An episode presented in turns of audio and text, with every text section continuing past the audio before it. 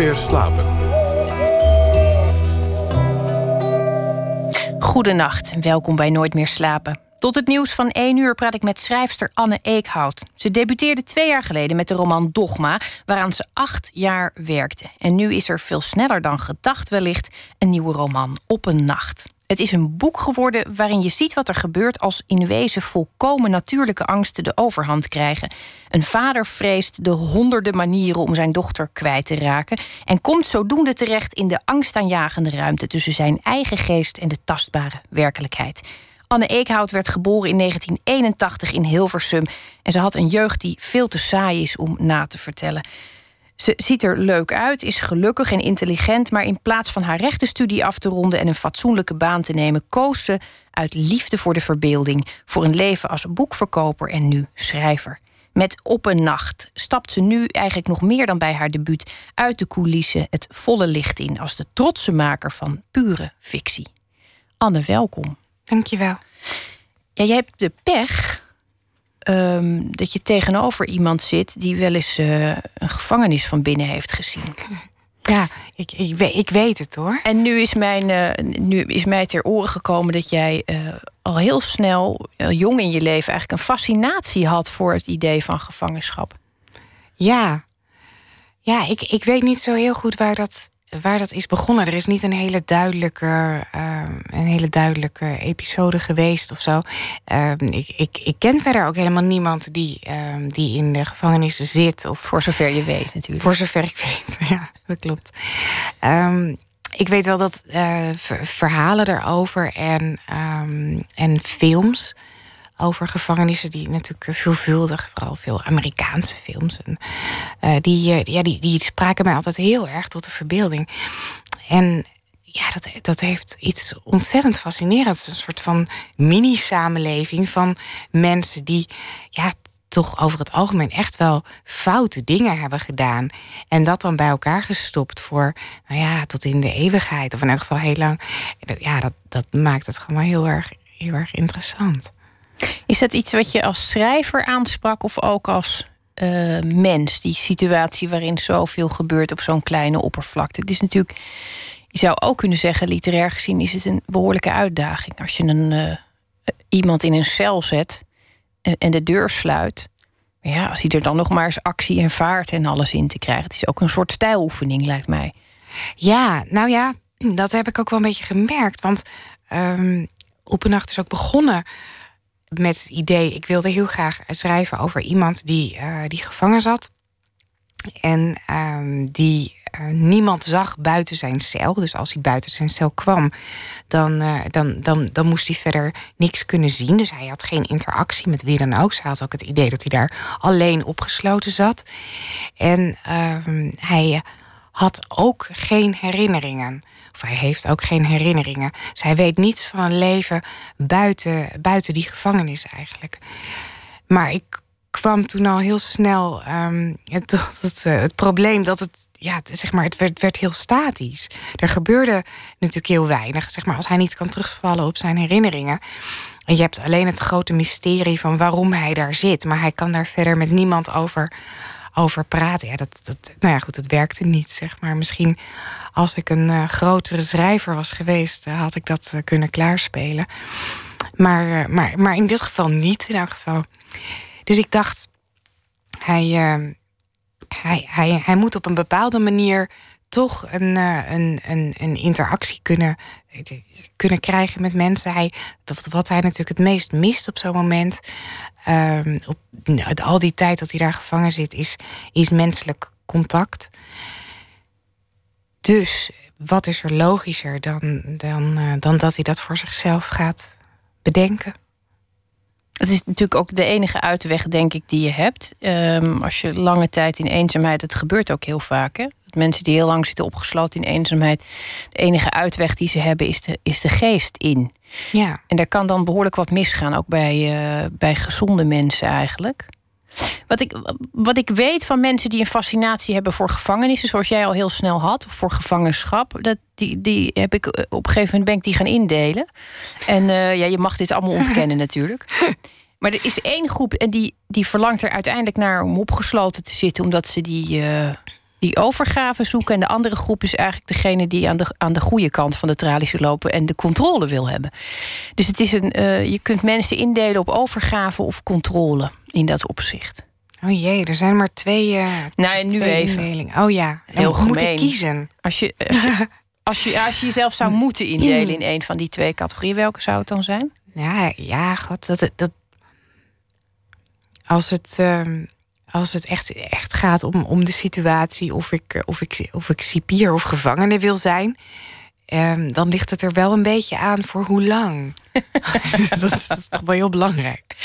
Ja, ja kijk, ik, um, ik, ik heb wel voorafgaand aan dit gesprek ook nagedacht over: zou ik, of eigenlijk ook terwijl ik het boek schreef natuurlijk, maar nu is het weer wat extra in de aandacht, maar um, nagedacht of ik zelf of, of, of ik het erg zou vinden om, om, uh, om, uh, om zelf opgesloten te zitten. En uh, ja, ik, ik, denk het wel, maar het, het, fascineert mij ook zodanig dat ik, dat ik het ook wel een keer mee zou willen maken. Maar ja, dan toch liever niet langer dan een week of zo.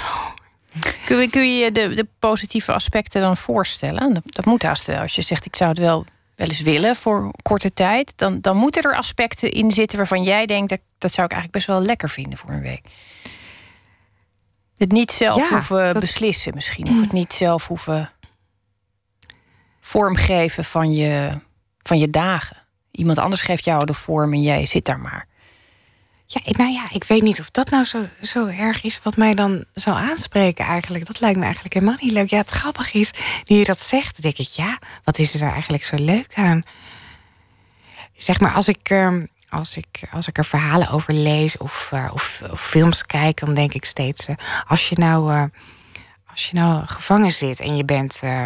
en, en je hebt dan vrije tijd die je dan in je cel moet doorbrengen Ehm, als je dat vrije tijd wil noemen, dan, ehm, dan heb je natuurlijk ontzettend veel tijd om te schrijven. Ik denk, je zou echt, echt zoveel boeken kunnen schrijven als je daar dan zit. Ja, dat lijkt, me wel fantastisch leuk. Het is. Um,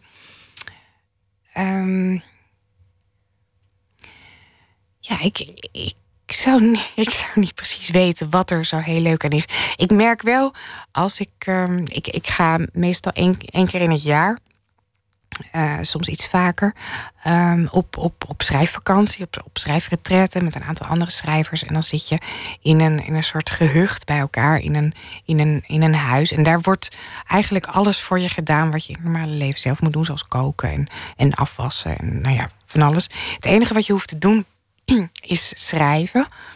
En daar werk ik dan ook echt heel hard. Daar krijg ik altijd heel veel gedaan. Dus een bepaalde focus. En um, ik merk vaak dat in de eerste twee of drie dagen dat ik, dat ik het thuis heel erg mis.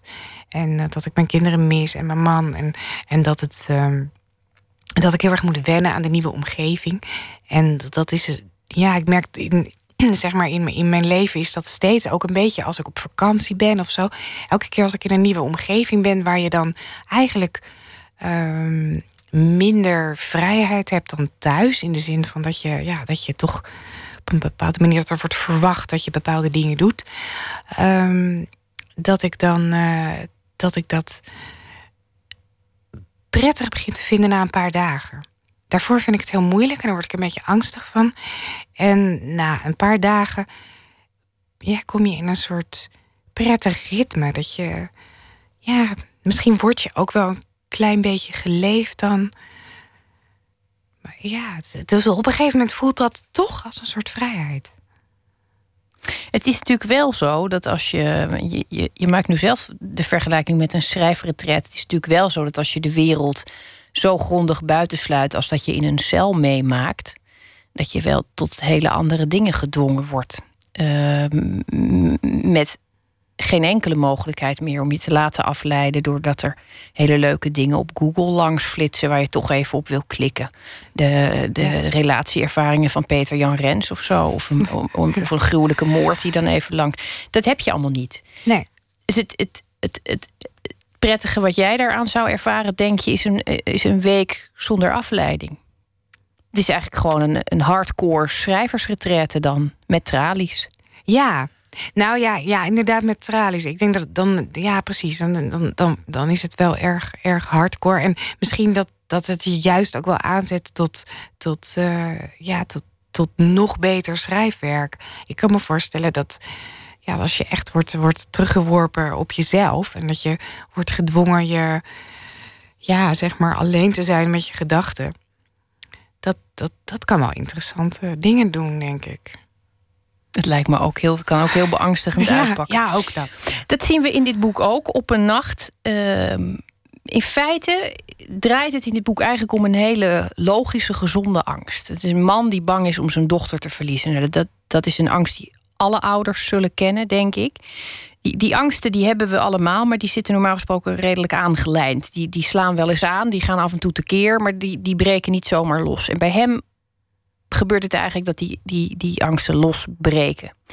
En wat griezelig is, is dat hij heeft ook visioenen wat er dan allemaal met zijn dochter kan gebeuren. Die gaan heel ver. Ik denk dat alle ouders die wel eens hebben.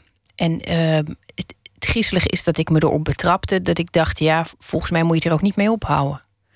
Uh, ik ging een beetje mee in die. Uh, in, dat je angst gaat zien als een manier om dingen te bezweren. Ken jij dat uit je eigen moederschap? Ik weet niet of jij. Kan jij je de eerste nacht bijvoorbeeld nog herinneren dat je moeder was? De eerste nacht met een baby? Uh, ja. ja, ik geloof dat ik de eerste nacht met een baby helemaal niet heb geslapen. Wat deed je dan? Uh, ja, nou ja, ik, ik probeerde wel te slapen, maar, maar uh, mijn, mijn dochter die was alleen maar ja, geluidjes aan het maken, dingen die je dan helemaal niet kent. En je denkt, ja, baby's, weet je, die zijn net geboren en dan zijn ze een tijdje wakker, dat hoor je dan, of dat lees je dan van tevoren. En daarna dan vallen ze in een diepe slaap en dan, uh, nou ja, dan, dan, dan hoor je ze een aantal uur niet meer.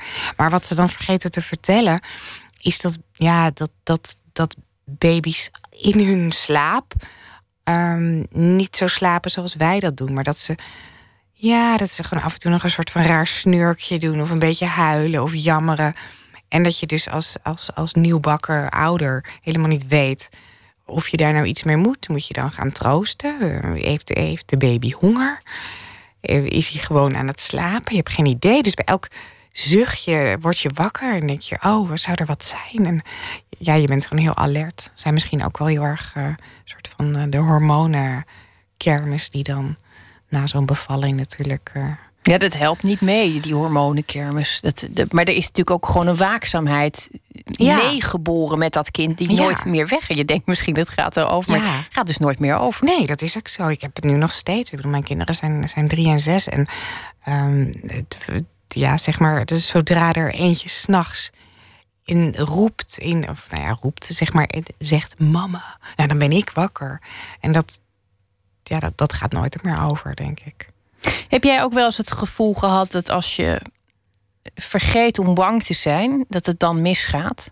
Het is namelijk een hele gevaarlijke gedachte, merkte ik. ja, nou ja, kijk, wat ik. Uh, wat, wat ik regelmatig heb als ik, als ik ergens uh, um, in het openbaar ben met mijn kinderen. Dat, um, en ik ben afgeleid door iets. En je, of je bent aan het praten met iemand, of je, of je doet even iets voor jezelf of zo. En uh, dat je dan opeens denkt: oh, oh, waar zijn ze? En dat zijn inderdaad wel de momenten waarop het natuurlijk altijd misgaat. En dat, dat nou ja, gelukkig gaat het dan dus niet mis, althans volgens nog niet. Um, maar ik denk, ja, ik denk dat, dat je als ouder wel um, je ervan bewust bent dat je eigenlijk altijd op je kievieven moet zijn. Uh. En dat het nooit genoeg is. Ja, ook dat. Want uiteindelijk uh, heb je, niks er in de toch hand. niks aan. Nee. Het is daarom denk ik ook uh, dat hij, hij vraagt zich eigenlijk dus, dus heel, heel terecht af of hij niet iets voorkomt door zo bang te zijn. Hij vraagt zich eigenlijk af, als ik stop met bang zijn, uh, wie neemt die taak dan van mij over? Iemand moet bang zijn. Iemand houdt, bij wijze van spreken, het vliegtuig in de lucht als we opstijgen door bang te zijn dat we neerstorten. Dat is met kinderen ook zo. Ja. En, en, eigenlijk is het een hele gezonde angst, uh, die natuurlijk. Nou ja, en dat is bijna altijd. Zodra het misgaat in je hoofd, is het heel vaak iets doodnormaals wat op de een of andere manier uit blijft dijen en niet stopt met groeien en dan de boel overneemt. Ja. Um, hoe, Hoe ben je bij deze man uitgekomen? Hoe, wanneer ontstond dit personage? Kun je dat nog herinneren? Wat de eerste keer was dat je bedacht: dit wordt hem. Um, nou ja, dat, dat, dat, ging, dat ging, uh, uh, ging heel geleidelijk. Kijk, het begon natuurlijk gewoon met een, een, um, een man. Ik weet niet waarom, maar ik, ik, schrijf graag over mannen.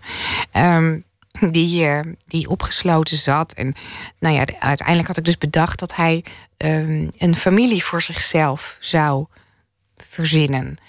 Um, dat, dat, dat, hij, dat hij een soort alter ego zou hebben die die, uh, die, die s'nachts zou opzoeken of wie hij s'nachts zou zijn. Dat is, dat is een beetje uh, in het midden gelaten. En die zou een, een, een, vrouw hebben en een dochtertje. waar hij heel veel om zou geven. En um, aan de hand van, van de, de familie die ik voor hem bedacht, is zijn karakter ontstaan eigenlijk. Je hebt hem gecreëerd uit zijn familie.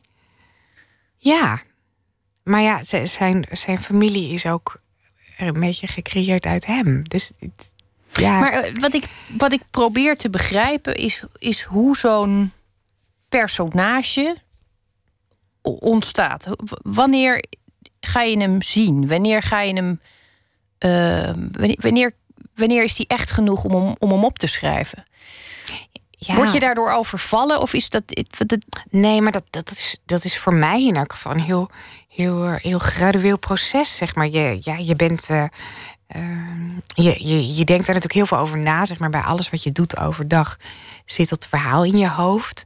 Ik, ik, ben, ik ben eigenlijk constant aan het schrijven. En, maar dan ehm, niet, niet altijd op papier.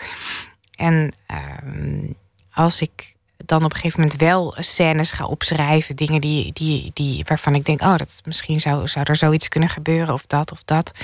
Um, dan, dan begint zo'n personage uh, steeds meer vorm te krijgen door, ja, door, door, door wat hij doet. Dus het is niet zo dat ik, dat ik hem van tevoren helemaal voor me zie en ontwerp. Het is meer dat hij, uh, dat hij er op een bepaald moment uh, zichzelf heeft, uh, heeft geschetst of zo. Dat is, het is een volstrekte onmogelijkheid en heel uh, fascinerend hoe je dat beschrijft. ja, hier raak je ook aan iets, want je, je, je, je houdt eigenlijk een pleidooi voor de kracht van de verbeelding. Dit personage schetst zichzelf in jouw hoofd. Ik vind het een wonderlijke gang van zaken, maar het is ook niet. Um, je, je overtuigt me volledig hoor, door, door je zoekende manier van dit te omschrijven. Dan moet het wel dan moet wel zijn wat er echt gebeurt, naar jouw mening. Maar het blijft een heel uh, merkwaardig proces dat je dit kunt. Is er een moment geweest op je leven waarop je ineens merkte dat je dit kunt? Want niet iedereen is daartoe zomaar in staat om iemand in zijn hoofd te laten schetsen. Ja, nou. Um, ja, ik denk dat. Um, zeg maar, op het moment dat, dat, dat anderen uh, tegen je uh, gaan vertellen dat je, dat, dat, je, dat je goed kunt schrijven, dat je goed, goed werelden kunt scheppen.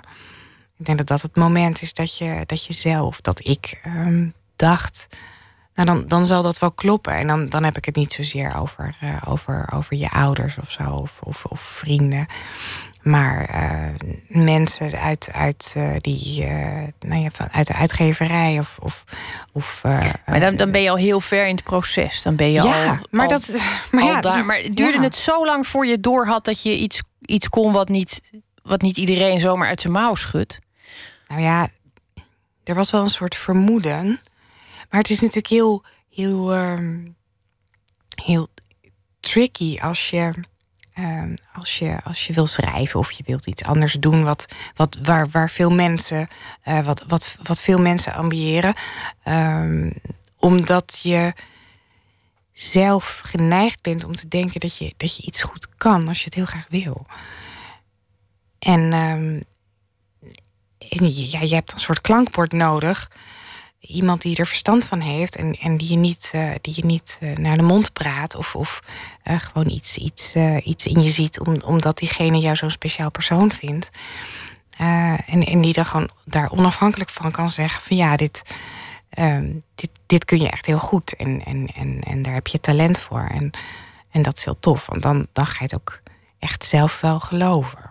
Wilde je het ook worden als kind? Was het echt, ambieerde je het schrijverschap al heel jong? Of, of wilde je gewoon iets leuks worden? Straaljager, piloot of, of chef-kok? Of gewoon iets, iets Nee, nou, ik, ik wilde al wel heel, heel vroeg al wel schrijfster worden. Of in elk geval boeken schrijven, zeg maar. Wat voor beeld had je toen dan van het schrijverschap als kind? Kun je dat nou, herinneren? Um, in elk geval kinderboeken wel. Het was niet dat ik als kind dacht, ik ga, ik ga romans voor Vuistdikke romans over de Russen. Dat dacht je niet. Nee, en ik dacht ook dat het ook alleen maar leuk zou zijn... om kinderboekenschrijver te zijn als je nog kind was. Dus als kind schreef ik al veel boekjes en zo. Maar dat is wel een tijdje, tijdje gestopt, zeg maar, in de puberteit. Of nou ja, ja nou, ik, ik heb een hele lange puberteit gehad volgens mij. Maar... Um, vanaf mijn, uh, vanaf mijn 18e tot mijn 22e of zo heb ik eigenlijk niet geschreven. En, en toen ben ik weer begonnen. En nou ja, toen ben ik aan, aan Dogma gaan schrijven. Maar dan ligt het voor de hand om uh, Nederlands te gaan studeren of literatuurwetenschappen. Of, uh... Ja, maar, maar ik, ik, zat, uh, ik zat helemaal niet in de academische wereld. Ik, heb, um, ik, ik, ben, ik ben op de, op de middelbare school begonnen in, in de brugklas HAVO-VWO. En heb ik het tweede jaar ook gedaan. En in het eerste jaar kreeg ik de ziekte van Pfeiffer. En daardoor ben ik nou het, het een heel groot deel van het eerste jaar niet op school geweest. Waardoor um, natuurlijk de vriendschappen zonder mij gesmeed werden. Dus ik voelde me erg alleen op school. En op dat moment, zeg maar aan het begin van het tweede jaar, ontdekte ik ook dat het heel leuk zou zijn als ik me alternatief ging kleden en mijn haar ging verven in groen en paars en zo. Dus het tweede jaar werd er niet beter op wat dat betreft. dus uh, en en uh, dat was een soort wisselwerking. En toen ben ik heel veel gaan spijbelen. En waardoor de, de, cijfers op het rapport weer heel slecht werden. En toen werd mij aan het einde van het tweede jaar de keus geboden of ik, uh, of ik wilde blijven zitten. Of dat ik naar drie MAVO wilde. Nou, ik wilde absoluut niet blijven zitten. Want ik voelde me ook veel ouder dan de kinderen in mijn klas. En veel volwassener. dacht, ja, je was natuurlijk de hele dag aan het spijbelen. Dus jij had de echte wereld al lang. Precies, dat had ik al lang ontdekt. Ja. Ja, dus ik dacht, nee, ik kan echt niet bij kinderen die nog jonger zijn in de klas gaan. Nee, dat zag ik echt niet. Dus ik dacht, nou, drie maven, dat is mooi. Hoef ik ook nog maar twee jaar. En dan ben ik van school. Nou ja, en zo geschieden. dus, dat, eh, en, maar goed, dan heb je dus een MAVO-diploma. Nou ja, dat, ja, dus daar kan je niet zo heel erg veel mee. Kun je zeker geen Nederlands gaan studeren. En ik had in die tijd natuurlijk ook niet het idee um, dat ik. Um, dat ik qua intellect heel, heel hoog zat of zo. Ja, ik bedoel, je, ja, je gaat je gewoon ook een beetje. Um, beetje, beetje gedragen en je een beetje voelen naar, ja, bij, met, nou ja, met, met uh, je gaat je voelen naar wat er van je verwacht wordt. En ja. Dat, die verwachting is op de MAVO anders dan op VWO. Ja, zeker. Ja. Had jij ook het idee dat je um, misschien niet geschikt was voor het schrijverschap? Want ik vind je ontzettend uh, bescheiden, eigenlijk. Oh. Um... Heeft dat lang geduurd voordat je. Want toen ik het net vroeg, was er een punt waarop je besefte: ik kan iets wat, wat niet iedereen kan. Ik kan iets laten gebeuren in mijn hoofd. Ik kan aan de slag met een verbeelding die voor heel veel mensen niet is weggelegd. Toen zei je, nou ja, toen de bevestiging kwam, heel voorzichtig. Er is geen Eureka-moment geweest. Of wel? Ehm, nou ja, er waren een, paar kleine Eureka-momentjes. Zeg maar toen mijn allereerste verhaal werd, werd, uh, werd, uh, werd uh, gepubliceerd in, in, in, in Tirade bijvoorbeeld. Toen, toen, dat was zo'n klein Eureka-momentje dat ik dacht, zie je, het kan wel. En, en wat, wat wel een, een, een groter Eureka-moment was... Um, dat is dat ik een, eh, een, een, mail kreeg van het literair agentschap... waar ik al een tijd mijn manuscript van Dogma deed het naartoe stuurde... en dat ik hem dan weer terugkreeg met een aantal ideeën en aanpassingen. En dan ging ik weer mee aan de slag en dan weer terugsturen. En dat ging de hele tijd zo heen en weer. En dat ik eh, op een gegeven moment... en ik was net um, bevallen van mijn, uh, van mijn tweede kind... echt een, een week of zo. En dat was ook een hele rare tijd... en toen kreeg ik een mail uh, of ik eens wilde komen praten. En toen dacht ik, oh, eindelijk. Nou, dat, was, dat was ook een heel groot Eureka-moment. Nou, en daarna dat, dat, dat, ik, uh, dat ik een uitgeverij had. En nou ja, goed, zo zijn er natuurlijk steeds meer. Ja, dan heb je de recensies en dan heb je de nominaties voor de literaire prijzen. Zo, heb je, zo ga je steeds van Eureka-moment naar Eureka-moment. Het eerste boek is één ding. Tweede boek is, zeggen ze altijd, verschrikkelijk. Omdat het, het is de vuurproef. Alle welwillendheid die je bij je debuut hebt, die is dan ineens. Um, je gaat met een bed door Nederland. Je gaat mensen voorlezen in dat bed. Ja. Het is eigenlijk een hele warme manier om, uh, om mensen weer aan het lezen te krijgen, dacht ik. Iedereen wil dat wel voorgelezen worden in bed, toch? Ja, nou niet iedereen hoor. Nee? Nee, nou, het valt, uh, het valt de, de boekhandelaren en mij ook wel uh, mee dat er, dat er nog best wel veel mensen zijn die dat toch wel willen. En uh, dan gezellig ook hun schoenen uitdoen, echt onder het dekbed schuiven. Maar er zijn ook wel echt mensen die gewoon liever nou, bij het voeteneinde zitten of op een aparte stoel. Of, of gewoon sowieso zeggen: nee, nee, nee, daar, daar waag ik me niet aan. Alsof ik een heel oneerbaar voorstel. Ik ben gewoon gekleed. Althans, ik heb een soort pyjama aan. Denk je dat mensen nog uh, goed kunnen slapen na het lezen van Op een Nacht? Oh, jawel. Jawel. Het is, het is, geen, uh, het is geen, geen bloederige thriller. Het is ik, ja, ik, ik vind het eigenlijk een heel hoopvol boek. Ja, ik, ik geloof niet dat iedereen dat met mij eens is. Maar ik heb. Um, ik denk dat als je, als je het leest zoals ik het heb bedoeld. Um, ik denk dat, dat, dat er aan het einde van elk stuk, zeg maar, het bestaat uit, uit drie delen: het verhaal van James, het verhaal van Anna en het verhaal van Penelope. Ik denk dat je, dat je aan het eind van ieder, ieder verhaal Um, dat daar, dat daar een, een, een, goede, goede aanwijzing zit voor de, de, ja, de, de hoop die het, uh, ja. die het in zich draagt. Nou, daar, uh, daar eindigen we mee. Anne Eekhout, dank je wel dat je er was. We gaan naar het nieuws verder met het tweede uur. En dan horen we onder meer Thomas van Aalten. En we verdiepen ons in de opkomst van de escape rooms. Dat en meer na het nieuws van 1 uur.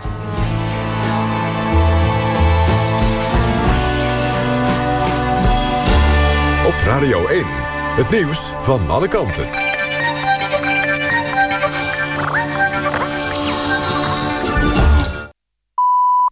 1 uur, Kirsten Klomp met het NOS-journaal. Het wordt een enorme klus om de vluchtelingenstroom naar Lesbos... en andere Griekse eilanden voor zondag te stoppen. Dat zei premier Rutte na afloop van de EU-top in Brussel... waar vandaag een akkoord werd gesloten over de vluchtelingencrisis. Rutte hoopt dat alle waarschuwingen aan vluchtelingen... om niet van Turkije naar Griekenland te reizen, helpen. Dit kan gaan werken, zei hij. Al is er volgens hem geen perfecte oplossing. De premier denkt dat het 1 à 2 weken kan duren voordat we effect zien. Voor elke vluchteling die teruggaat van Griekenland naar Turkije... komt er een Syrische asielzoeker naar Europa. Frankrijk gaat België vragen om de uitlevering van Salah Abdeslam. Hij wordt verdacht van betrokkenheid bij de aanslagen in Parijs in november vorig jaar. Abdeslam werd vanmiddag opgepakt in een huis in de Brusselse gemeente Molenbeek... door een Belgische antiterreureenheid. Hij was niet gewapend, maar hij volgde de bevelen van de politie niet op. Daarom werd hij in zijn been geschoten. De rechtbank in Brazilië heeft opnieuw een verbod van tafel geveegd... op de benoeming van oud-president Lula da Silva. Daardoor mag hij nu aanblijven als chefstaf van het kabinet van president Rousseff. Haar partijgenoot werd donderdag beëdigd. Tegenstanders van Rousseff zeggen dat zij de benoeming van Lula heeft doorgedrukt... om hem uit handen van justitie te houden. Hij werd vorige maand verhoord voor zijn rol in een corruptieschandaal... rond oliemaatschappij Petrobras. Nu hij is beëdigd kan Lula alleen nog worden vervolgd... als het Hoge Rechtshof daar toestemming voor geeft.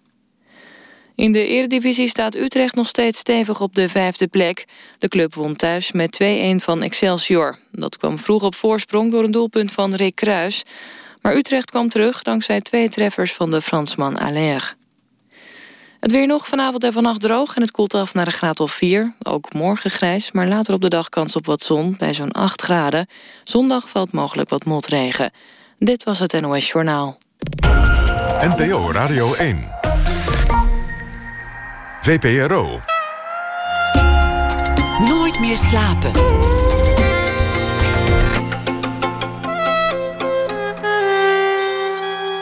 Met Esther Naomi Perquin. Goedenacht. Welkom terug bij Nooit meer slapen. Michael Redeker kiest voor zijn schilderijen bewust weinig spectaculaire onderwerpen uit. Een garage of een badhanddoek bijvoorbeeld. Want, zo zegt hij, om daar iets bijzonders van te maken, daar moet je moeite voor doen.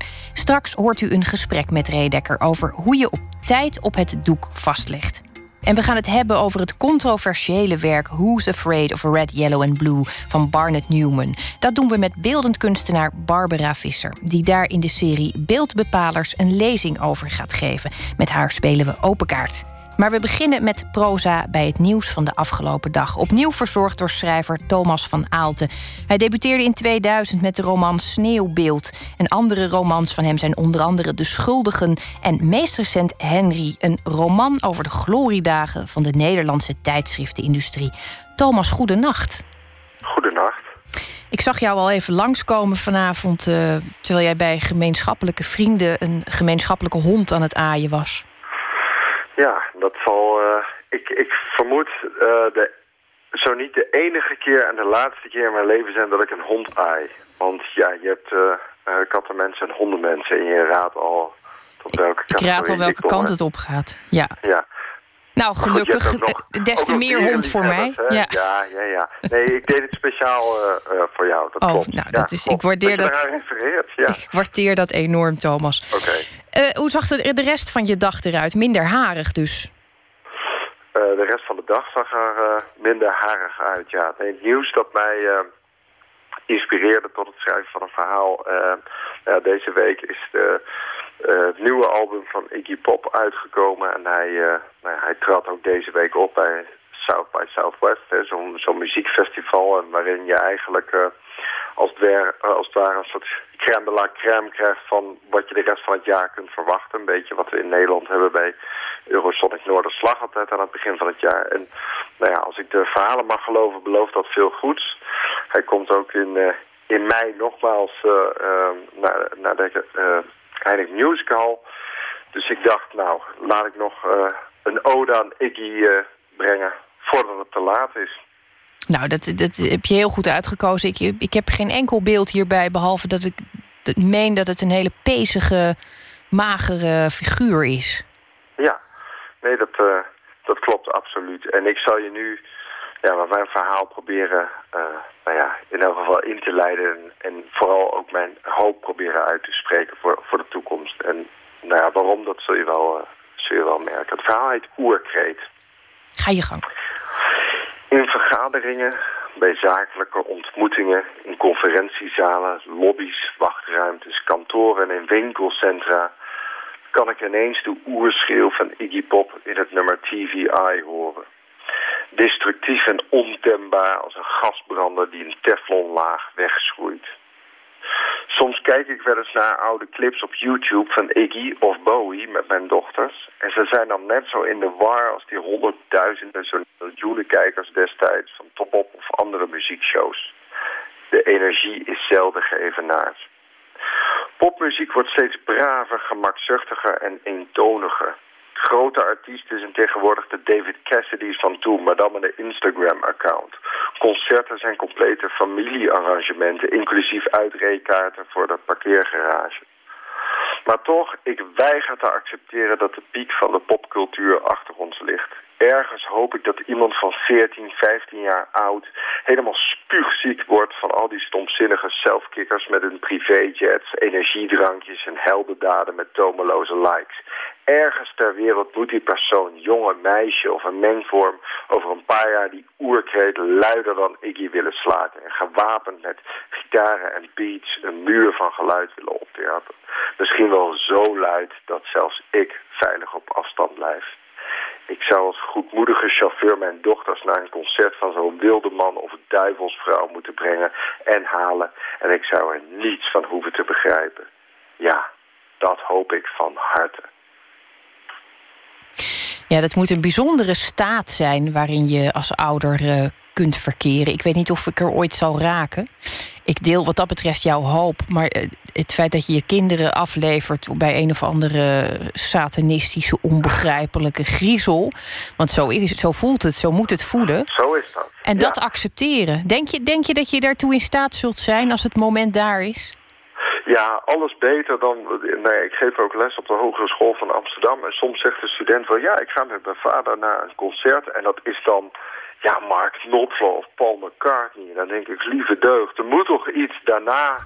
Hè, er moet nog uh, iets gebeuren wat, wat nog veel heftiger is... wat ik dan niet begrijp. Maar goed, ik ben dan dus heel erg bang... dat het meer in de hoek zit van de... Ja, al die YouTube-artiesten waar ik nu ook geen lore van begrijp. Ik ben bang dat het meer in die hoek zit, maar dat hoop ik dan dus niet. Ik ben op zoek naar iets subversiefs en ik, uh, nou ja, mag hopen dat mijn dochters uh, daarvoor gaan vallen. Maar ja, waarschijnlijk wordt het ook gewoon iets, iets heel braafs en dan is dat ook goed. Ik hoor het al, Thomas. Je bent inderdaad echt een kattenmens en geen hondenmens. En dat siert je. Dank je wel uh, voor je bijdrage deze week. En ik wens je ontzettend goede nachtrust toe. Oké, okay. nou, dank je wel. Dag. De Belgische dance-act Soulwax mag ons graag op het verkeerde been zetten. De band, bestaande uit de broers David en Stefan de Walen, heeft voor de film Belgica de soundtrack verzorgd, waarvoor ze 16 fictieve bands hebben geformeerd. Ja, 16. Met namen als The Shits, White Virgins of, en die hoort u nu, gewoon Robert van der Wiel. En dit is 9000 Eyes.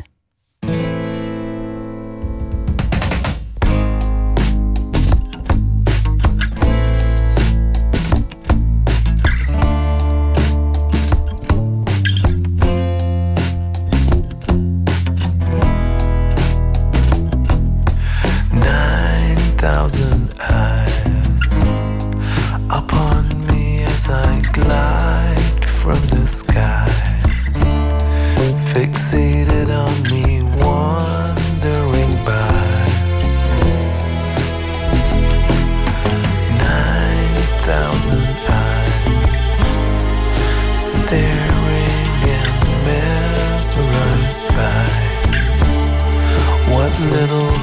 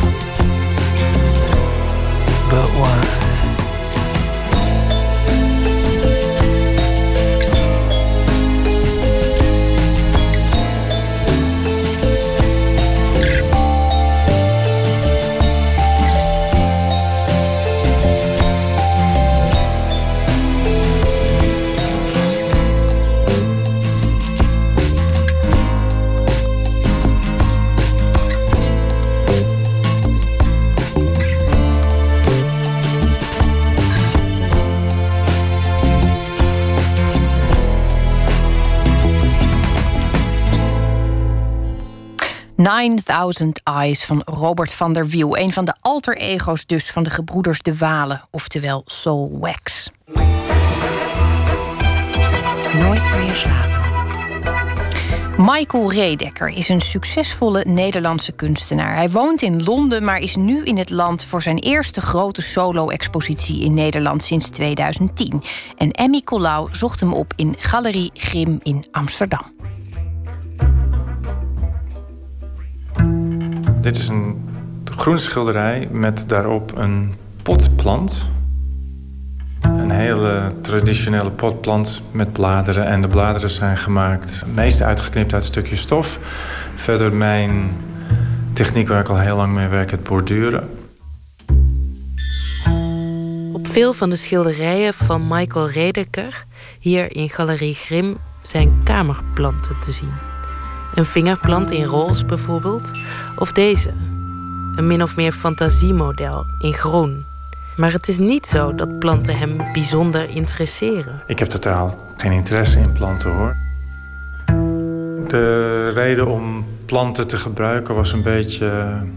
Uh, ik, uh, bijna wellicht het, het cliché over de, de planten, de, de stille getuigen in een, uh, in een ruimte, in een kamer maar ook de mens die dan denkt dat ze de natuur overwonnen heeft en een, een stukje natuur al heel lang gemanipuleerd heeft door iets wat natuurlijk buiten hoort naar binnen te brengen. Kamerplanten, een oude handdoek, kantoorstoelen, een gordijn. Het zijn onderwerpen die misschien wel het moeilijkst zijn om interessant te maken. En juist die onderwerpen kiest Redeker. Ik, ik kies eigenlijk altijd vrij eenvoudige onderwerpen. Die letterlijk en figuurlijk om het huis, in en om het huis. Eh, en eigenlijk daardoor over het dagelijks leven gaan. De mens ontbreekt op al die werken over het dagelijks leven. Maar toch is hij in alles voelbaar aanwezig. Ik schilder nooit uh, de mens in, in mijn werk, maar de aanwezigheid. En, en tegelijkertijd gaat het ook altijd over de, de, de mens. Michael Redeker is een laadbloeier. Hij begon op zijn 22e mode te studeren aan de Rietveld Academie, maar kwam toen hij afstudeerde op zijn 27e tot de conclusie dat die modewereld echt helemaal niets voor hem was. Hij besloot schilder te worden, hoewel hij nog nooit een kwast had aangeraakt. Het bleek een gouden greep. Hij werd aangenomen op de Rijksacademie en ontvluchtte daarna al snel het toch wat saaie kunstklimaat in de jaren 90 in Nederland. Hij vertrok naar Londen om daar een vervolgopleiding te doen. Binnen no time werd hij genomineerd voor de prestigieuze Turner Prize, aangekocht door kunsthandelaar Saatchi en door musea wereldwijd. Hij werd een van de meest succesvolle kunstenaars van Nederland. Hoewel hij tot op de dag van vandaag in Londen woont. Hij werkt daar gedisciplineerd. Elke dag naar het atelier en hup aan de slag. Ja, dat doen veel schilders. Ja, het is toch echt wel een dagelijkse activiteit. Ja. Ja, ik heb een prachtig atelier. Ik ben sinds een uh, jaar geleden verhuisd naar een, uh, een, grotere ruimte. En waar kijk je op uit dan? Ik kijk nergens op uit. In Londen is het moeilijk om ergens op uit te kijken. Het is helemaal volgebouwd. Um, maar ik, kan, ik zie wel de lucht en de bomen. En, en, en een flatgebouw tegenover me. De werken van Redeker zijn vaak sober van kleur. Veel grijstonen en ze worden omschreven in termen als leeg, verlaten en stil. Niet werk dat per se bij de stad lijkt te horen. Toch is Redeker een echt stadsmens. Nou ja, ik ben inderdaad wel een stadsmens, ja. Ja, daar, daar heb ik eigenlijk mijn hele leven heb ik in de stad gewoond. Londen is natuurlijk veel groter, maar uh, het is niet veel beter. Maar het is wel, je wordt er wel meer verwend waarschijnlijk door het enorme aanbod op cultureel niveau. En er is wel een hele goede energie. Ja, dat merk je toch wel. Ja, wat is dat dan? Ja, dat is moeilijk, moeilijk uit te leggen, maar... Ja, hebt toch altijd wel het idee dat, dat er van alles gaande is. Er is natuurlijk altijd, zijn er weer jongere mensen die, uh, die ook willen. En ja, houd je met je beide voeten op de grond en, en, en geïnteresseerd in wat, er, wat er gebeurt. Maar zelfs als je gewoon de deur uitgaat s ochtends en je gaat naar je atelier, merk je gewoon, het hoeft dus niet alleen een kunstding te zijn, maar je werkt gewoon hele bijzondere energie eigenlijk in die stad. Redeker werd geboren in Amsterdam. Hij is de achterkleinzoon van John Redeker, de man die de beelden op het monument op de Dam maakte. Ik kan me wel herinneren als jongetje dat ik natuurlijk als, altijd, altijd als ik al langskwam dat ik daarnaar keek en uh, dat, dat ik dat wist, ja. En dat, uh, dat vond ik toch wel, wel heel bijzonder. Toch was het niet per se vanzelfsprekend dat Michael kunstenaar zou worden. Er zitten toch een paar generaties tussen. het is mijn overgrootvader. Ik heb, uh, ik heb hem nooit gekend. Hij is in uh, 56 overleden. Bij ons thuis waren altijd wel nog wat werken van hem... of bij andere familieleden thuis. Maar er was daardoor niet echt een uh, vanzelfsprekendheid... dat ik ook die richting op zou gaan. Mijn vader is begonnen als, als automonteur... En werd dan, daarna leraar autotechniek, uh, maar is wel een zondagsschilder.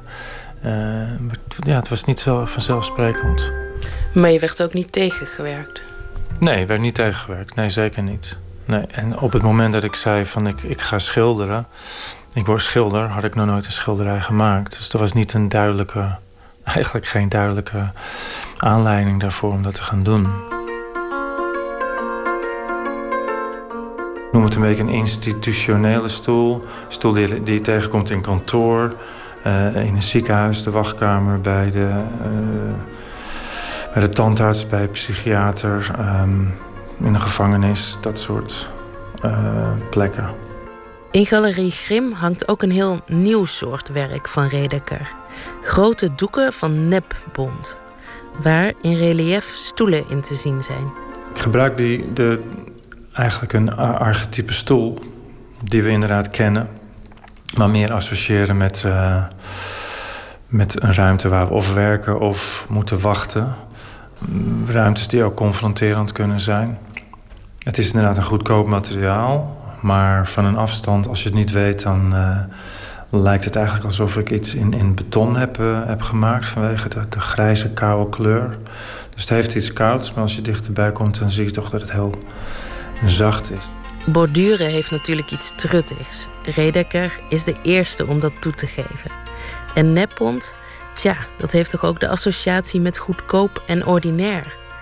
Waarom gebruikt hij juist deze materialen? Is dat een vorm van recalcitrantie? Kijk, ik ben eigenlijk altijd wel geïnteresseerd geweest om iets te doen wat je wellicht niet hoort te doen. En, uh, en om daar dus ja, op die manier dingen vooruit te duwen. Recalcitrantie is een groot woord voor iemand die, die de 50 is gepasseerd. Maar toen ik begon als kunstenaar, was ik heel erg op zoek van wat ga ik dan doen? Wat is mijn bijdrage aan de schilderkunst?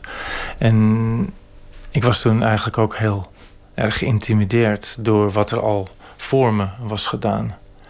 Ik ging om me heen kijken, wat, wat is er gedaan, voelde die intimidatie. En dacht van ja, zo kan je natuurlijk helemaal niet werken. En ik, en ik heb op die manier dus die keuze gemaakt om bewust iets doms te doen. Om zo'n materiaal te introduceren. Als, uh, of een techniek te introduceren die dus een niet-kunsttechniek is. Uh, in dit geval dus het borduren. Kunst is wat niet kunst hoort te zijn.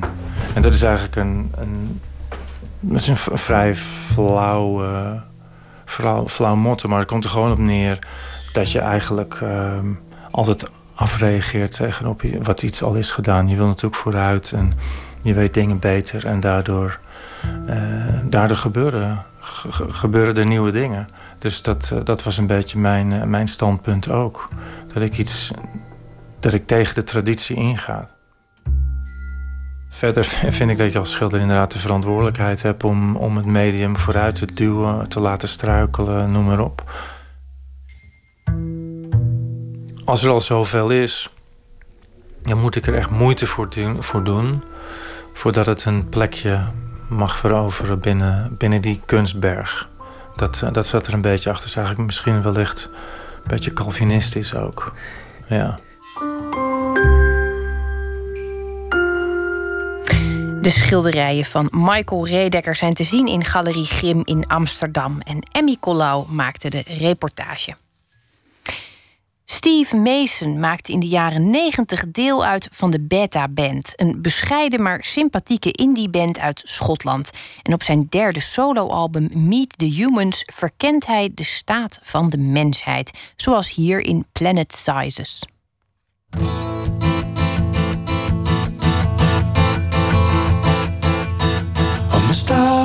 Too often. I missed out and tried again. I never really knew before me. I never really tried again. But I find, but I find this time I'm going back again. I know my six times stable, alone where the planets lie I know my planet sizes. The universe makes me cry, but I find,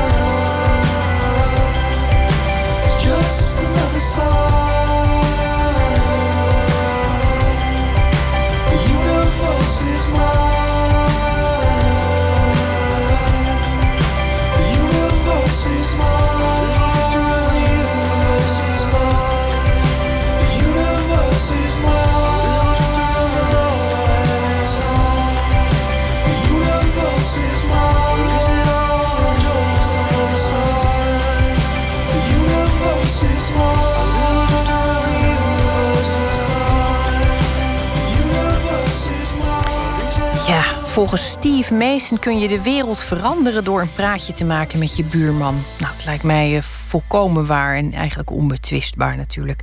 Planet Sizes heet het nummer dat we draaiden. Open kaart.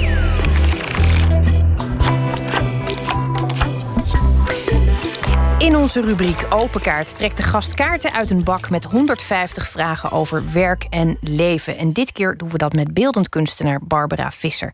In haar foto's, video's en installaties speelt ze met het ontregelen van verwachtingspatronen. Werk dat onder meer in de collectie van het Stedelijk Museum en Boymans van Beuningen is opgenomen. Barbara Visser is daarnaast ook iemand die graag de samenwerking zoekt met andere makers en denkers. En dat doet ze onder meer als voorzitter van de Academie van Kunsten. En komende maandag geeft ze in de Bali in Amsterdam een lezing over Who's Afraid of Red, Yellow and Blue 3. Het beroemruchte schilderij, mogen we wel zeggen, van Barnett Newman. Barbara, welkom. Fijn dat je er bent. Dank voor de uitnodiging. Het is een. Uh, een schilderij waar veel over te zeggen valt. Dat gaan we straks ook doen. Maar eerst even iets waar, waar, waar ik dan altijd uh, nieuwsgierig naar ben.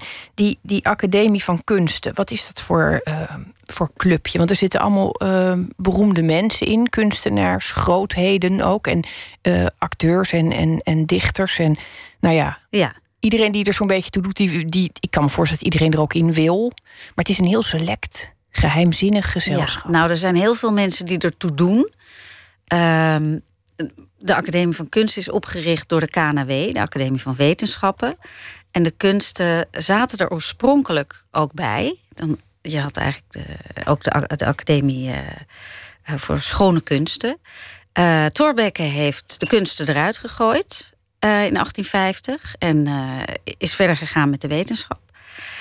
Uh, en ja, eigenlijk recent, een jaar of drie, vier geleden, uh, is het idee ontstaan om die kunsten er weer bij te betrekken.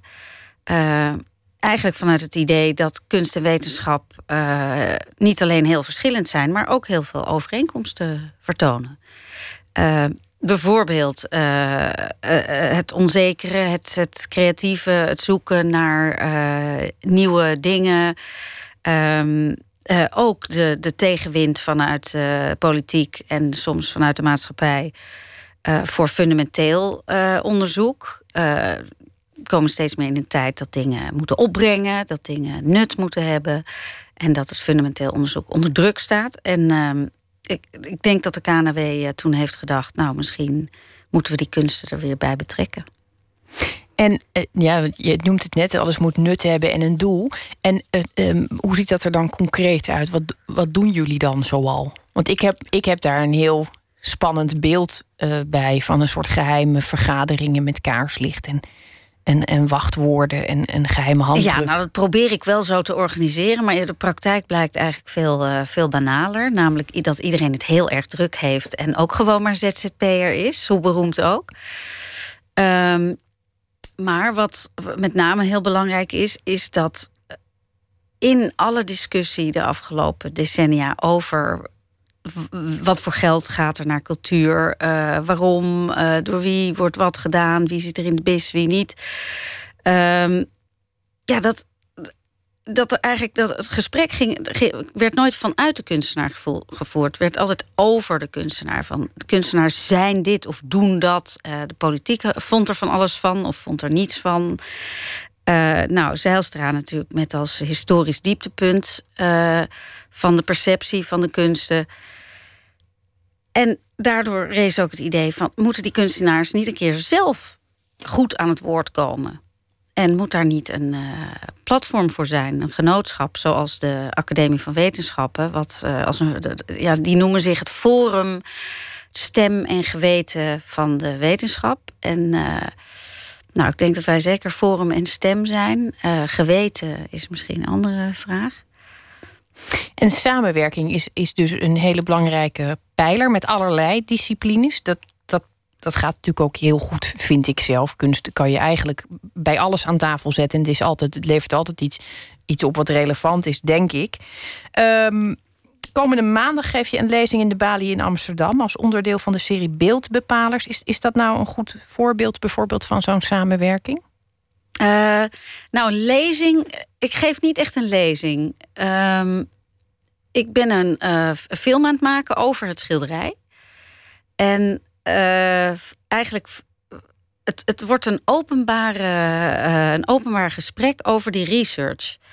En tijdens de research van ja, zoiets als dit kom je dingen tegen ja, waarvan je, ja, waar je ontzettend opgewonden van kan raken. Zoals? Zoals?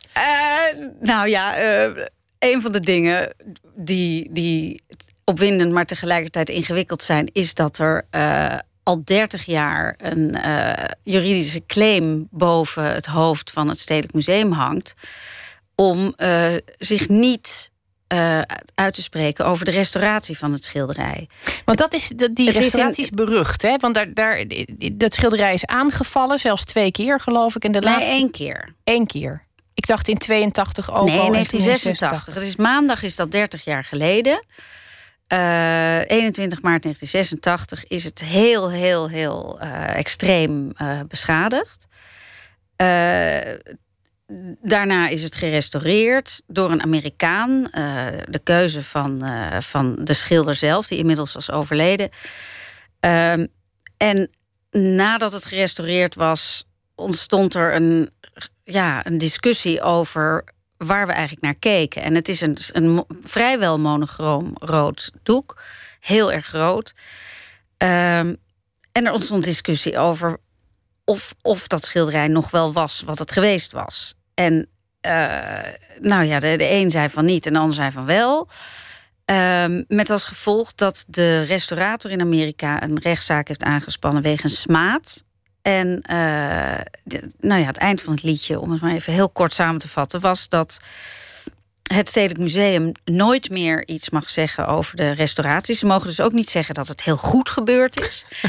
um, maar nou ja, er is dus een hoop over te zeggen. En um, het is heel goed onderzocht hoe, de, hoe het gerestaureerd is en uh, dat soort dingen. Maar dat, dat, dat, ja, het is een enorme soap geworden eigenlijk. Er is een wethouder overgevallen. Um, het, het heeft ontzettend veel geld gekost. En hoe tragisch ook. Um, de reden eigenlijk voor mij om erin te duiken is dat al die controverse rond het schilderij, eigenlijk al vanaf het moment dat het gemaakt is, want het is heel echt moderne kunst, um, het roept echt de vragen op die, naar mijn idee, belangrijk zijn uh, om te stellen over kunst. En ook door die tragische toestanden ontstonden er allerlei vragen die toen ik op de academie zat, toen dit allemaal speelde, zat ik op de kunstacademie en ik was ontzettend verbaasd dat er eigenlijk nooit gesproken werd over die over dingen als wat is kunst eigenlijk? En waar is het voor? En wat moeten we ermee? En hoe, hoe, hoe kan je kijken? We moesten wel heel veel maken, maar er werd eigenlijk nooit ergens over gesproken. Misschien wilde ik wel liever praten dan dingen maken ook. Dat zou kunnen.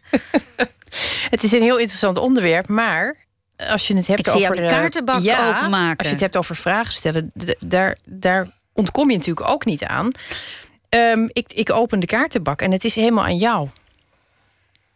Ik, kies er één, zou ik, ik zeggen. Ik pak gewoon de eerste. Gewoon een kaart die voor ligt. En dan mag ik hem voorlezen. Graag. Ben je vatbaar voor verslavingen? Als je lang nadenkt, heb ik de indruk eh, dat, dat je er helemaal niet vatbaar ik, voor bent. Ik zou heel graag ja willen zeggen, maar het antwoord is nee. Totaal niet? Nee, want ik heb ontzettend veel uh, verschillende drugs gebruikt. Echt vanaf mijn eh, dertiende. En ik ben nooit ergens in blijven hangen. Als een soort van. Ik vond het altijd heel lekker. Maar uh, was wat, nooit... was het, wat was het lekkerste? Ja, ik, ik ben ik heb wel een kind, hè? Ik wil, ik wil alles weten, want ik heb dit dus nooit allemaal, eh, allemaal heel. Ik heb heel veel overgeslagen. Dus ik ben een beetje. Ik word er gelijk een beetje jaloers dat jij alles al hebt. Wat, wat was nou echt. Waar, waar kun je je van voorstellen dat het gevaarlijk is om het nog een keer te doen? Laat ik het zo zeggen. Nou, bijvoorbeeld cocaïne. Dat is wel iets waar je je echt onoverwinnelijk door kan voelen. En ja, het is ontzettend uh, sexy. Het is heel. Uh, je bent sterk, je bent ad rem, je bent leuk. Iedereen om je heen is leuk. Uh, ja, En de volgende dag is alles tien keer zo kloten. dus het is ook een soort, je neemt een soort voorschot. Dus zo zie ik het ook. Van, het is fantastisch. Je kan een voorschot krijgen, maar de volgende dag ben je wel heel erg blut. Dus het is een keuze. Gevaarlijke, gevaarlijke gebeurtenis lijkt me dat eigenlijk, het gebruik daarvan. Ik uh, ja, vind het intrigerend. Nou goed, het is je misschien wel meteen een bekentenis uh, op de radio ja. hier. Ja, maar voor alle kinderen uh, die luisteren, het is natuurlijk heel slecht en naar. En je wordt heel er slecht. Niet eigenlijk doen, ongelukkig van. Um, Barbara, pak nog een kaart. Oh, we gaan lekker. Nou, dan ga ik er een uit het midden pakken. Doe net of ik er invloed op heb. Dat is een leuke vraag. Met wie uit het vak had je voor het laatst ruzie en waarover? Oh. Het ging niet over cocaïne. Dat weten we alvast. Nee, nee, nee. Dat is echt een non-onderwerp.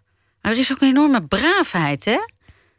Het gebeurt, dat is allemaal niet meer. En mensen zijn eh, in de kunsten heel erg verdraagzaam. Daar wordt wel eens over gemopperd tegenwoordig. Dat is eigenlijk het enige waarover gemopperd wordt. Dat, Dat- iedereen zo goed met elkaar is de hele Dat tijd. er geen frictie meer is. Ja.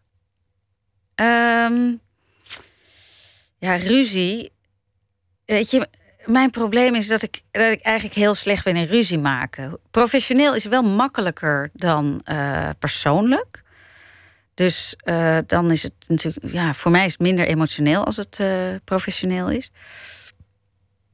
Ehm, ja, en misschien dat ik hem even in de ijskast zet tot eh, nader order. Ik moet best wel diep graven Wat, daarvoor. wat moeten mensen doen om jou boos te krijgen? Is het, ben je bijvoorbeeld gevoelig voor, voor pedanterie? Of, eh, of, of, of hiërarchie die niet bevalt? Dat iemand Oh ja, het- hiërarchie. Nou, dan heb je, heb je een hele goeie. Want eh, ja, ik ben opgegroeid in de jaren zeventig, hè? Dus in Amsterdam. Dus dat is voor veel mensen, die weten dan genoeg.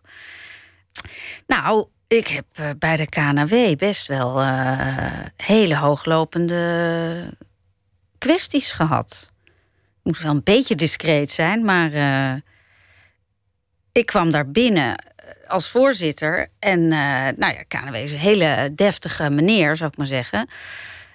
En ehm, ik wilde meteen met 100 kilometer per uur eh, eens even wat leuke dingen gaan doen. En dat was niet helemaal eh, de bedoeling. Dus toen heb ik me wel een paar keer echt heel erg kwaad gemaakt.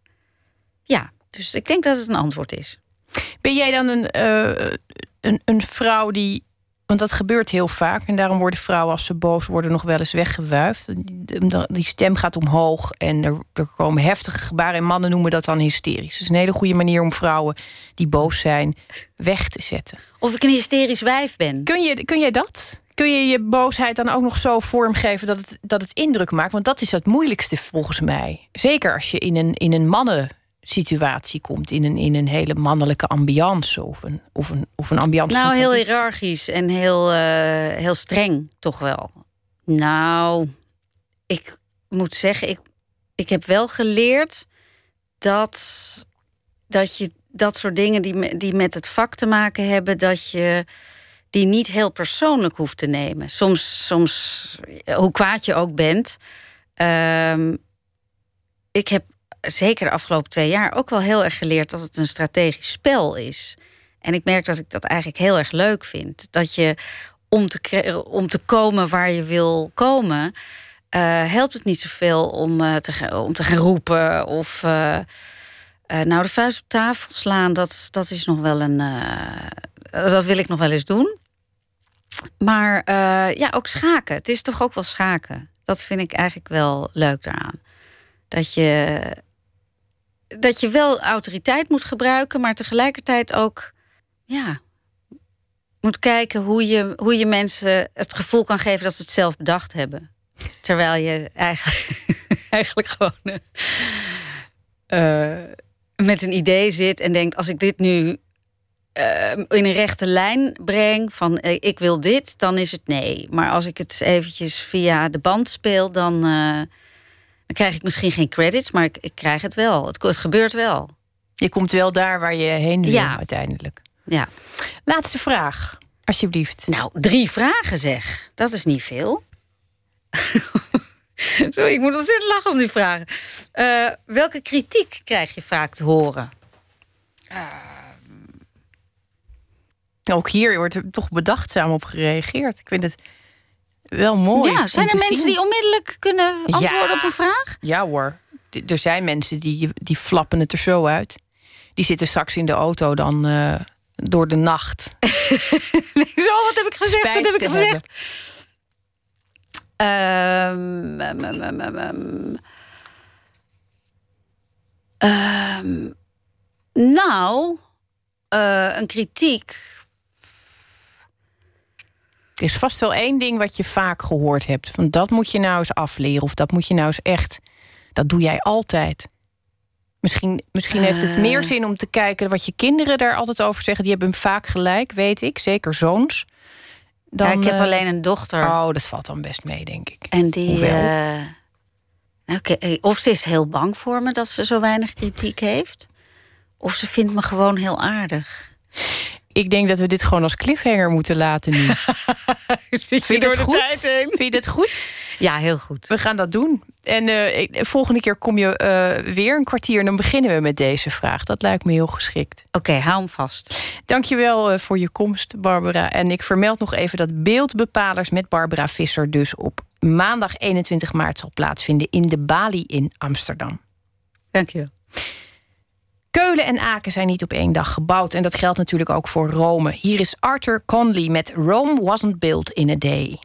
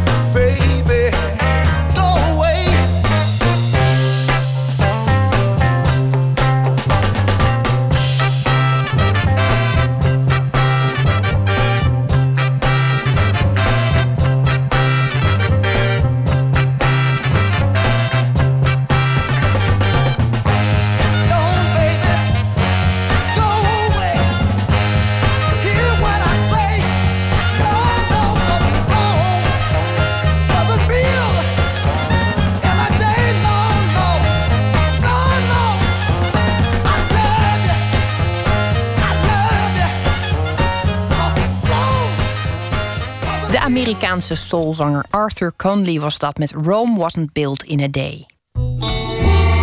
Nooit meer slapen.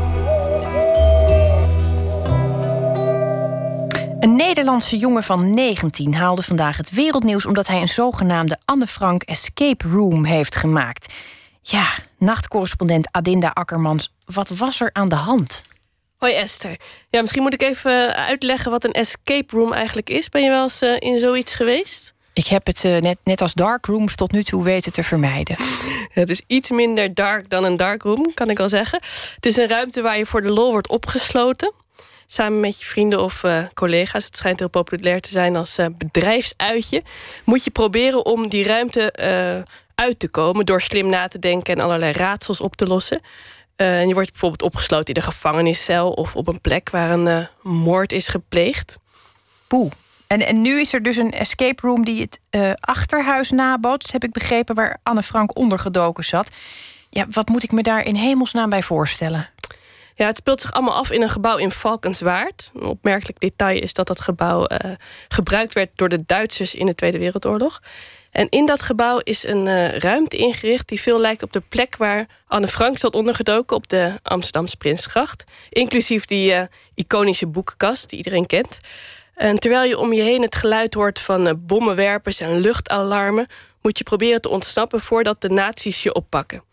Uh, en dat doe je met behulp van morsecodes en fragmenten uit het dagboek van uh, Anne Frank, die je dan uh, bepaalde hints geven. Ja, hoe wordt er over het algemeen op gereageerd? Ja, mensen vinden het smakeloos, veelal. Sommige mensen vinden het trouwens ook wel heel erg... vinden het gewoon tof, een beetje onzin dat er zoveel ophef over is. Maar de Anne Frank-stichting is vooral heel boos... Uh, dat het spel de indruk wekt dat als je maar slim en snel genoeg bent... dat je dan niet zal worden opgepakt door de nazi's. Ze vinden het uh, aanmatigend en kwetsend voor degene die de gevolgen van de jodenvervolging hebben meegemaakt. Ja, ik, ik, kan daar eerlijk gezegd uh, wel goed inkomen in die kritiek. Uh, geldt dat ook voor de bedenker? Begrijpt hij een beetje waarom hier kritiek op komt? De bedenker is uh, de 19-jarige ondernemer Thijs Verberne. En nee, hij snapt de kritiek helemaal niet. Want hij vindt dat het na 70 jaar wel eens wel moet kunnen. En heeft juist ook het idee dat zijn spel ja, eigenlijk wel een educatief effect kan hebben. Dit zei hij vandaag tegen AT5. Waarom zou een boek mogen, een, uh, het, het, achterhuis, een musical, een film... zou dat wel mogen en wij zouden het niet in een spel mogen verwerken? Op deze manier uh, denken we dat het thema veel beter blijft hangen. Ik heb ook even gebeld met Niels het Hoofd. Hij is uh, game-deskundige en heeft veel escape rooms bezocht... en schrijft, schrijft nu zelf ook aan zo'n verhaal voor een escape room. En hij zei er het volgende over. Ik denk trouwens ook dat er, dat er een soort een, een generatie kloof twee kanten op is. Hè? Dat mensen van de Anne Frank Stichting niet snappen dat een game ook een serieus onderwerp kan behandelen. En dat zo'n jongen van 19 uh, niet snapt dat als hij zoiets doet... dat hij dan een heel gevoelig onderwerp aanraakt. Ja, ik begreep dat de eerste escape room uh, drie jaar geleden naar Nederland kwam. En inmiddels zijn het er uh, zelfs honderden. Je noemde het net al een goede bestemming voor een personeelsuitje. Maar, maar waar komt die populariteit vandaan? Ja, dat vroeg ik ook aan uh, Erik Spring in het veld. Hij was de allereerste die een escape room startte in, uh, in Nederland. Nadat hij uh, zelf het had gedaan in Budapest. En had een, een, een Hongaarse vriendin. En samen hebben ze toen de eerste escape room in Nederland zijn ze begonnen. Um, en hij zei er dit over. Dat heeft wel te maken met dat je juist weer met elkaar um, iets doet. En vooral als volwassenen. je kan natuurlijk gaan bowlen of lasergame, wat ook leuk is. Maar het is natuurlijk wel iets nieuws aan het... Uh, uh, iets nieuws wat je dan kan doen als volwassen mensen. Dus juist wat je, wat je samen kunt doen. En wat een sociaal iets is. En waar je uh, ja, ook lekker als een team moet samenwerken. Ja, dat samenwerken. Hoe gaat dat uh, in, in de praktijk dan in zijn werk? Is dat, is dat elkaar helpen met puzzels of, of hoe moet ik dat zien? Ja, ja, elkaar helpen met puzzels. En het is ook niet competitief, want het is, het is geen wedstrijdje. Uh, Niels het Hoofd gaf het voorbeeld uh, dat je bij een puzzel een, een rijtje van mensen moet maken. En dat je dan via elektrische geleiding de stroom doorgeeft. En uiteindelijk daardoor weer een volgende hint krijgt. Uh, en dan heb je dus met z'n allen het gevoel van... oh, we zijn hier iets heel belangrijks aan het doen. En dat, is een, dat is een ander element, dat, het sociale element. Je, je hebt echt het gevoel, en, en dat is misschien iets wat we ook missen met z'n allen... dat je gewoon uh, uh, erop uitgaat om iets betekenisvol te doen. En als je met z'n allen in een kamer zit en daar binnen een uur uit moet ontsnappen... ja, dat, dat voelt dan toch op de een manier alsof het er echt toe doet alsof het er echt te doet. Vond ik wel grappig. Wat hij me ook vertelde trouwens, is dat het eigenlijk de eerste keer is dat een offline spel wordt afgeleid van de online gamewereld. De, uh, de eerste spellen waren dan bijvoorbeeld de Escape the Bathroom of Escape the Office. En dat waren computergames. En deze offline games zijn daar eigenlijk weer op gebaseerd. Uh, ik vond dat eerst eigenlijk wel grappig dat al die gamers ook uh, zeggen dat het zo ontzettend leuk is om een offline spel te spelen. Uh, en eindelijk weer eens nou ja, in de werkelijkheid te zijn. Ik dacht, nou ja, ik speelde vroeger ook Levend Stratego en zo. Ik weet niet of jij dat ook deed. Maar... Nee, ik dan weer niet. ik wel. Maar, maar Niels, het hoofd overtuigde me wel dat computergames uh, de werkelijkheid ook echt beïnvloed hebben in deze. Dus bijvoorbeeld dat je als je in zo'n escape room staat... dat er allemaal filmeffecten en dramatische effecten... van geluid en licht. En dat het eigenlijk een beetje dezelfde soort opbouw heeft. Dus dat je echt een beetje in een computerspel bent... maar dan zonder, zonder de digitale wereld om je heen. Ja, je hebt mij in ieder geval overtuigd uh, van uh, wat hier spannend aan kan zijn. Want dat, daar heb ik nu wel een beeld van gekregen. Ik, ik vind nog steeds moeilijk te bevatten dat een jongen van 19 niet begrijpt dat je um, het spelletje um, hoe, hoe, ontsnapt Anne Frank aan de nazi's eigenlijk überhaupt niet kunt spelen. Gewoon omdat het. Nou ja, wat is dan je beloning als je het haalt? Dat Anne Frank blijft leven, vraag ik me af. Dat, ja, Nee, dat is ook, het is denk ik ook wel een beetje een uh, misplaatst. Maar tegelijkertijd kun je ook eh, bedenken dat het misschien wel uh, aan het denken zet om dit soort spe spellen te maken die wel ervoor zorgen dat je, uh, nou ja, dat, je, dat je wat leert over de historie. Dat je je kunt verplaatsen in, in iemand die moet ontsnappen. Ja, ja, dan is het alsnog een merkwaardige combinatie tussen een verwijzing naar de werkelijkheid en een, en een spelletje. En waar, waar ligt de grens? Interessante uh, onderwerp. We gaan het er vast nog vaak over hebben deze week. Want het, uh, het heeft nogal uh, wat teweeg gebracht. Zeker. Adinda Ankerbans, dank je wel. Goeienacht. De Amerikaanse singer-songwriter Ray LaMontagne heeft een nieuw album uit. De titel komt uit het Grieks en betekent zoiets als staarteter. En dat spreek je uit als Ouroboros. En dat is het symbool voor de eeuwige kringloop. Nou, ik wist het niet, maar ik weet het nu ook. Een van de nummers op die plaat is In My Own Way.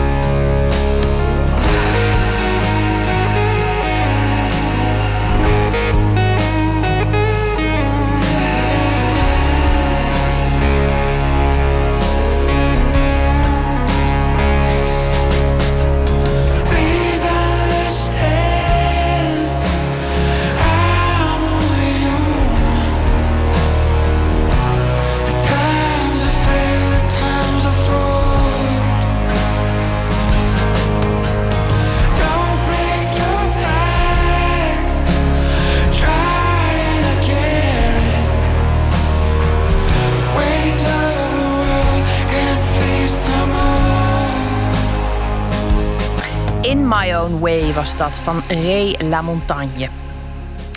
Florence Tonk is journalist, dichter en schrijver. En als dichter debuteerde ze in 2006 met de bundel Anders komen de wolven. In 2013 gevolgd door de bundel Rijgen.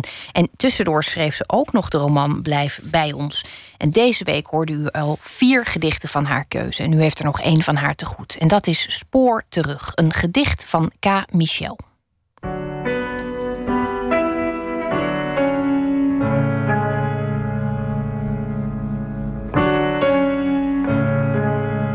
Vannacht lees ik een gedicht voor van K. Michel, een dichter die ik bewonder en waardeer. Michel studeerde filosofie en debuteerde in 1989 met de bundel Ja, naakt als de stenen. En het gedicht wat ik zo ga voorlezen komt uit zijn meest recente en vijfde bundel. En die heeft als titel Bij App is je eiland groter. En die bundel verscheen in 2010. Michel ontving voor deze bundel de A-Water Poëzieprijs en de Guido Gezellenprijs. Ik vind de poëzie van K. Volstrekt eigen. Er is eigenlijk niemand die op hem lijkt. En zijn werk bevat subtiele emoties, vaak ook humor of beelden van grote schoonheid die je besluipen. In dit gedicht werd ik overvallen door ontroering. Luister maar of dat ook bij u gebeurt. Spoor terug. En toen we buiten kwamen, was het nacht, maar niet donker. Alles dreef, geen overkant te zien in nevelsoep. We liepen het hele stuk terug. Uit de kroeg langs de witte stippellijn, in het midden van de weg. Daar friste de kop van op. Er reden ja toch geen auto's. De avond was waterpas begonnen. We hadden de hele tijd gepraat over alles behalve en gedronken. Een en ander steeds schever, geen opening gevonden. Bij de ringdijk aan de rand van de stad stak een zuchtje wind op. Het zicht werd minder dicht, maar niet heus. Je kon de ommelanden ruiken. In het veldje langs het jaagpad, niet ver van de woonboot, bewoog iets in de mist. Wit in wit, groot, langzaam, volledig bedekt met rijp, doemde een paardje op strekte zijn hoofd over het hek, zwarte neus, zwarte ogen, vragend. Terug een gedicht van K. Michel, uitgekozen door Florence Donk. En volgende week hoort u een selectie van Anton Korteweg. Ik vertel nog iets over maandag. Dan komt Laura Staring langs. Ze werkte bijna 30 jaar als journalist voor NRC Handelsblad. Onder meer als correspondent in Moskou. En ze reist regelmatig naar Oost-Europa. Haar boek Slag om Oekraïne komt ze over praten met Pieter van der Wielen. En ze is een dankbare gids waarschijnlijk met het oog op het referendum 6 april. Dat onder meer maandag. Straks kunt u luisteren naar de collega's van het programma Woord. Daar is Floortje Smit de hele nacht. En ik wens u een hele goede nacht voor daarna. Op Radio 1, het nieuws van alle kanten.